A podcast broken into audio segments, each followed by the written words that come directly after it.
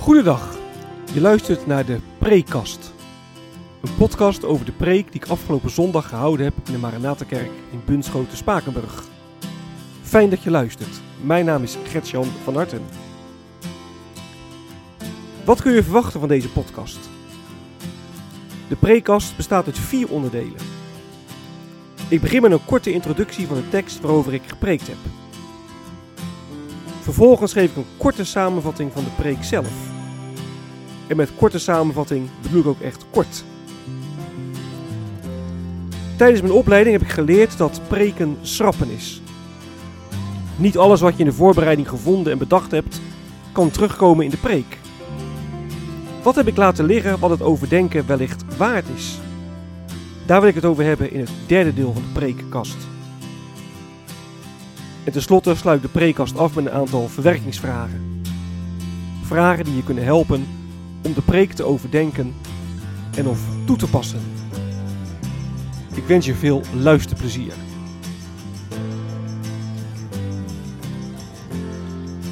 De tekst.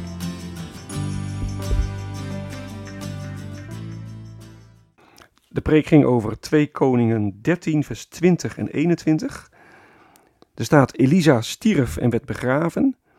Het was het seizoen waarin elk jaar weer Moabitische benden het land binnenvielen. Toen de plunderaars er aankwamen, werd er juist iemand begraven. Snel wierpen ze de doden in Elisa's graf.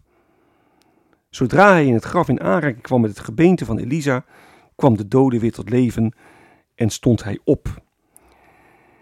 We hebben het gedeelte voorafgaand aan de tekst ook gelezen, 2 Koningen 13, vers 14 tot en met 19. En er wordt beschreven dat Elisa ziek was geworden, dat hij op sterven lag. Dat koning Joas dan naar hem toe gaat. En dat Elisa tegen hem zegt: uh, Je zult um, de Arameërs verslaan. En dan zegt Joas: Je moet je pijlen nemen, de pijlen van de pijlenboog. En dan moet je hard op de grond slaan. En dat doet Joas dan drie keer. En dan zegt Elisa heel boos: Je moet het niet drie, je had het vijf of zes keer moeten doen in plaats van drie keer. Als je het vijf of zes keer had gedaan, dan had je Aram echt vernietigend verslagen. Maar nu zul je Aram maar drie keer een nederlaag toebrengen. De preek.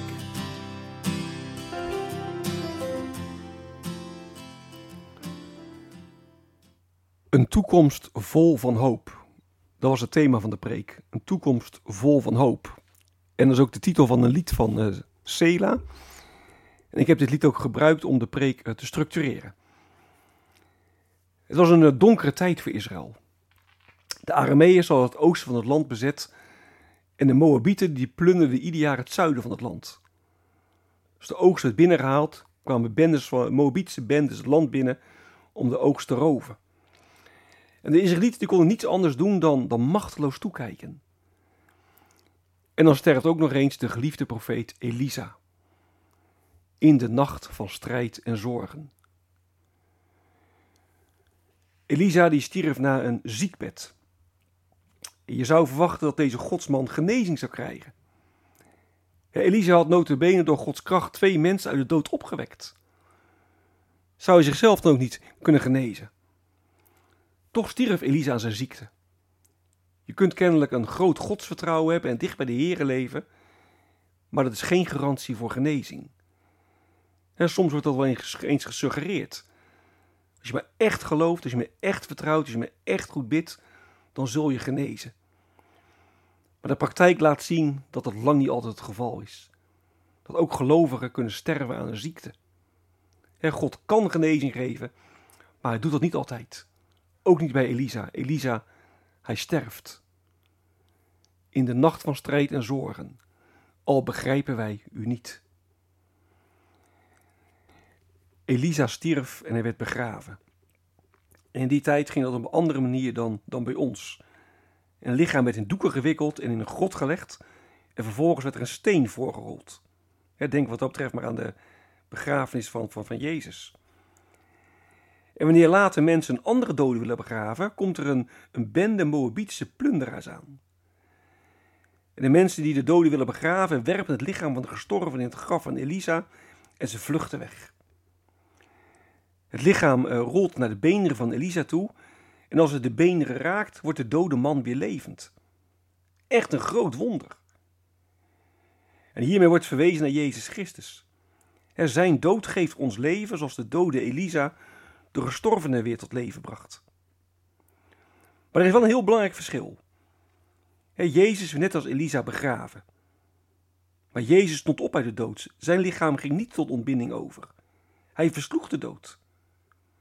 En de Bijbel zegt dat wij met Jezus zijn opgestaan tot een nieuw leven. Een leven met God. Een leven waarin het niet om ons gaat, maar om de gehoorzaamheid aan God. En dat is, om alle misverstand te voorkomen, geen opdracht, maar een geschenk van God zelf. Hij geeft het in zijn genade aan ons.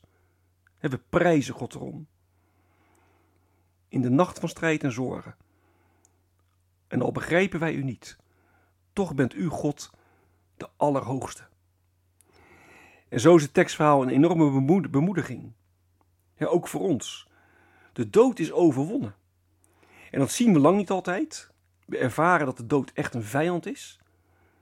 Maar de opstanding van Jezus laat zien dat de dood niet het laatste woord heeft. En God belooft alles nieuw te gaan maken. Er komt een nieuwe wereld. En God, Hij brengt ons daar naartoe. Hij alleen leidt ons door dit leven heen.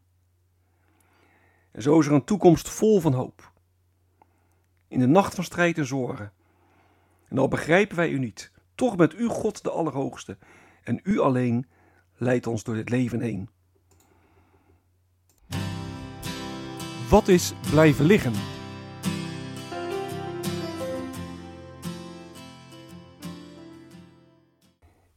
Ik heb het in, uh, in de preek ja, niet of nauwelijks uh, benoemd, maar je kunt een, uh, ook wel aandacht vragen voor de verschillen tussen Elia aan de ene kant en Elisa aan de andere kant.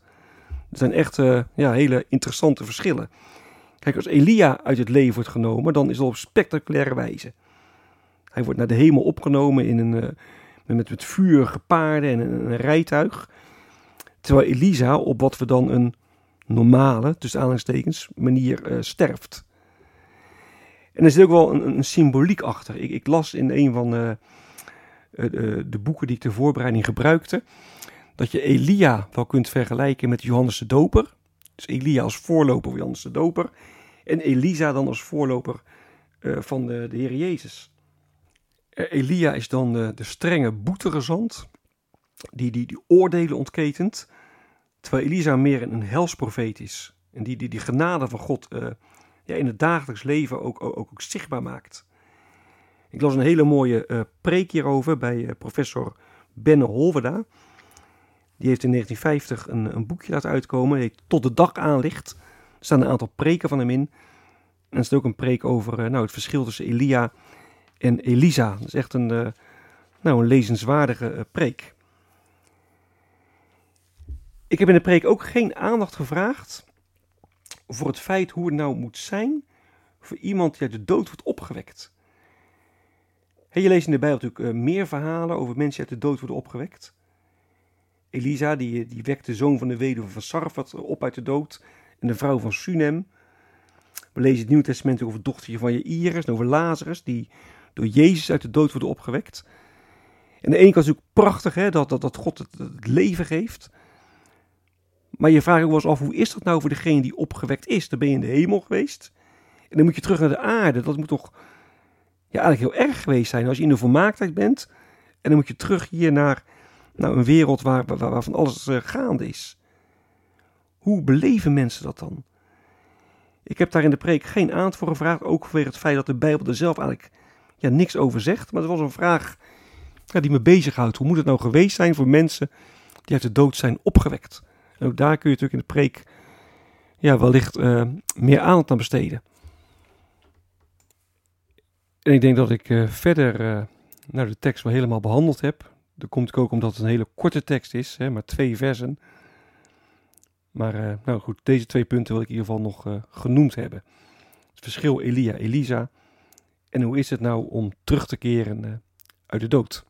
Als je in de hemel geweest bent en je moet weer naar de aarde toe. Verwerkingsvragen.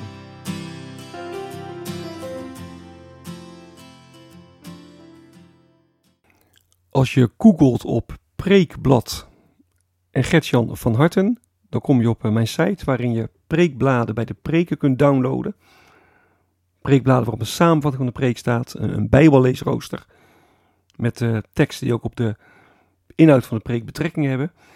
En op dat preekblad heb ik ook altijd een aantal vragen staan waar je over na kunt denken of waar je over met elkaar in gesprekken kunt gaan. En dit keer heb ik de volgende vragen op het preekblad gezet. Kijk, in de preek heb ik gezegd dat wij delen in de opstanding uh, van Jezus Christus. zoals uh, Paulus daar bijvoorbeeld in Romeinen 6 over spreekt. Maar in hoeverre is het nou in jouw leven van alle dag echt terug te zien dat je deelt in de opstanding van Jezus? Kun je dat ook in het leven van alle dag aanwijzen, herkennen bij jezelf? Het thema van de preek was een toekomst vol van hoop. Ik heb het lied uh, van Sela gevolgd. En dan krijg je in de nacht van strijd en zorgen, al begrijpen wij u niet. U bent God de Allerhoogste, wordt er in het lied ook gezongen. En mijn vraag is nou, wat betekent het nou voor jou dat God de Allerhoogste is? Wat betekent dat voor je? Een toekomst uh, vol van hoop, dat was het thema van de preek. En de vraag is dan, ja, het ligt eigenlijk voor de hand. Geloof je dat er daadwerkelijk echt een toekomst vol van hoop is?